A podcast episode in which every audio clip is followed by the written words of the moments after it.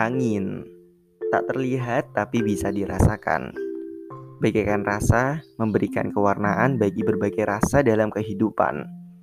Berhembus memberikan kehidupan bagi manusia, bahkan angin memberikan oksigen pada semuanya. Tak mengerti memang. Yang tak terlihat katanya tak ada. Yang tak bisa diraba juga katanya tidak ada. Sekarang nyatanya angin tak terlihat dan juga tak bisa diraba. Tak ada yang tahu bagaimana wujudnya dan juga tak ada yang tahu bagaimana perangainya. Dan bahkan yang tahu hanya satu, Tuhan yang Maha Esa. Jadilah seperti angin, berhembus memberi kebermanfaatan, diamnya menandakan kehangatan, dan kebersamaannya memberikan kesejukan. Ingatlah, angin bergerak tanpa protes. Angin percaya takdir, Angin percaya bahwa takdir itu ada.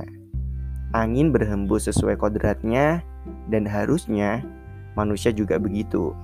Percaya takdir dan terus bergerak memberikan kebermanfaatan.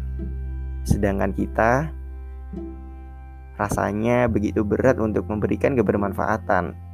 Alasan selalu datang, pura-pura tak mengerti itu sering yang terjadi merasa bangga sendiri hanya karena merasa berjasa pada diri sendiri, padahal jasanya hanya sedikit sekali.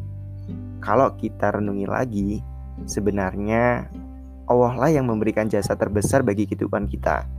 Kita mendapatkan rezeki, kita mendapatkan ketenangan hati, kita mendapatkan hal lain sebagainya, itu karena Allah.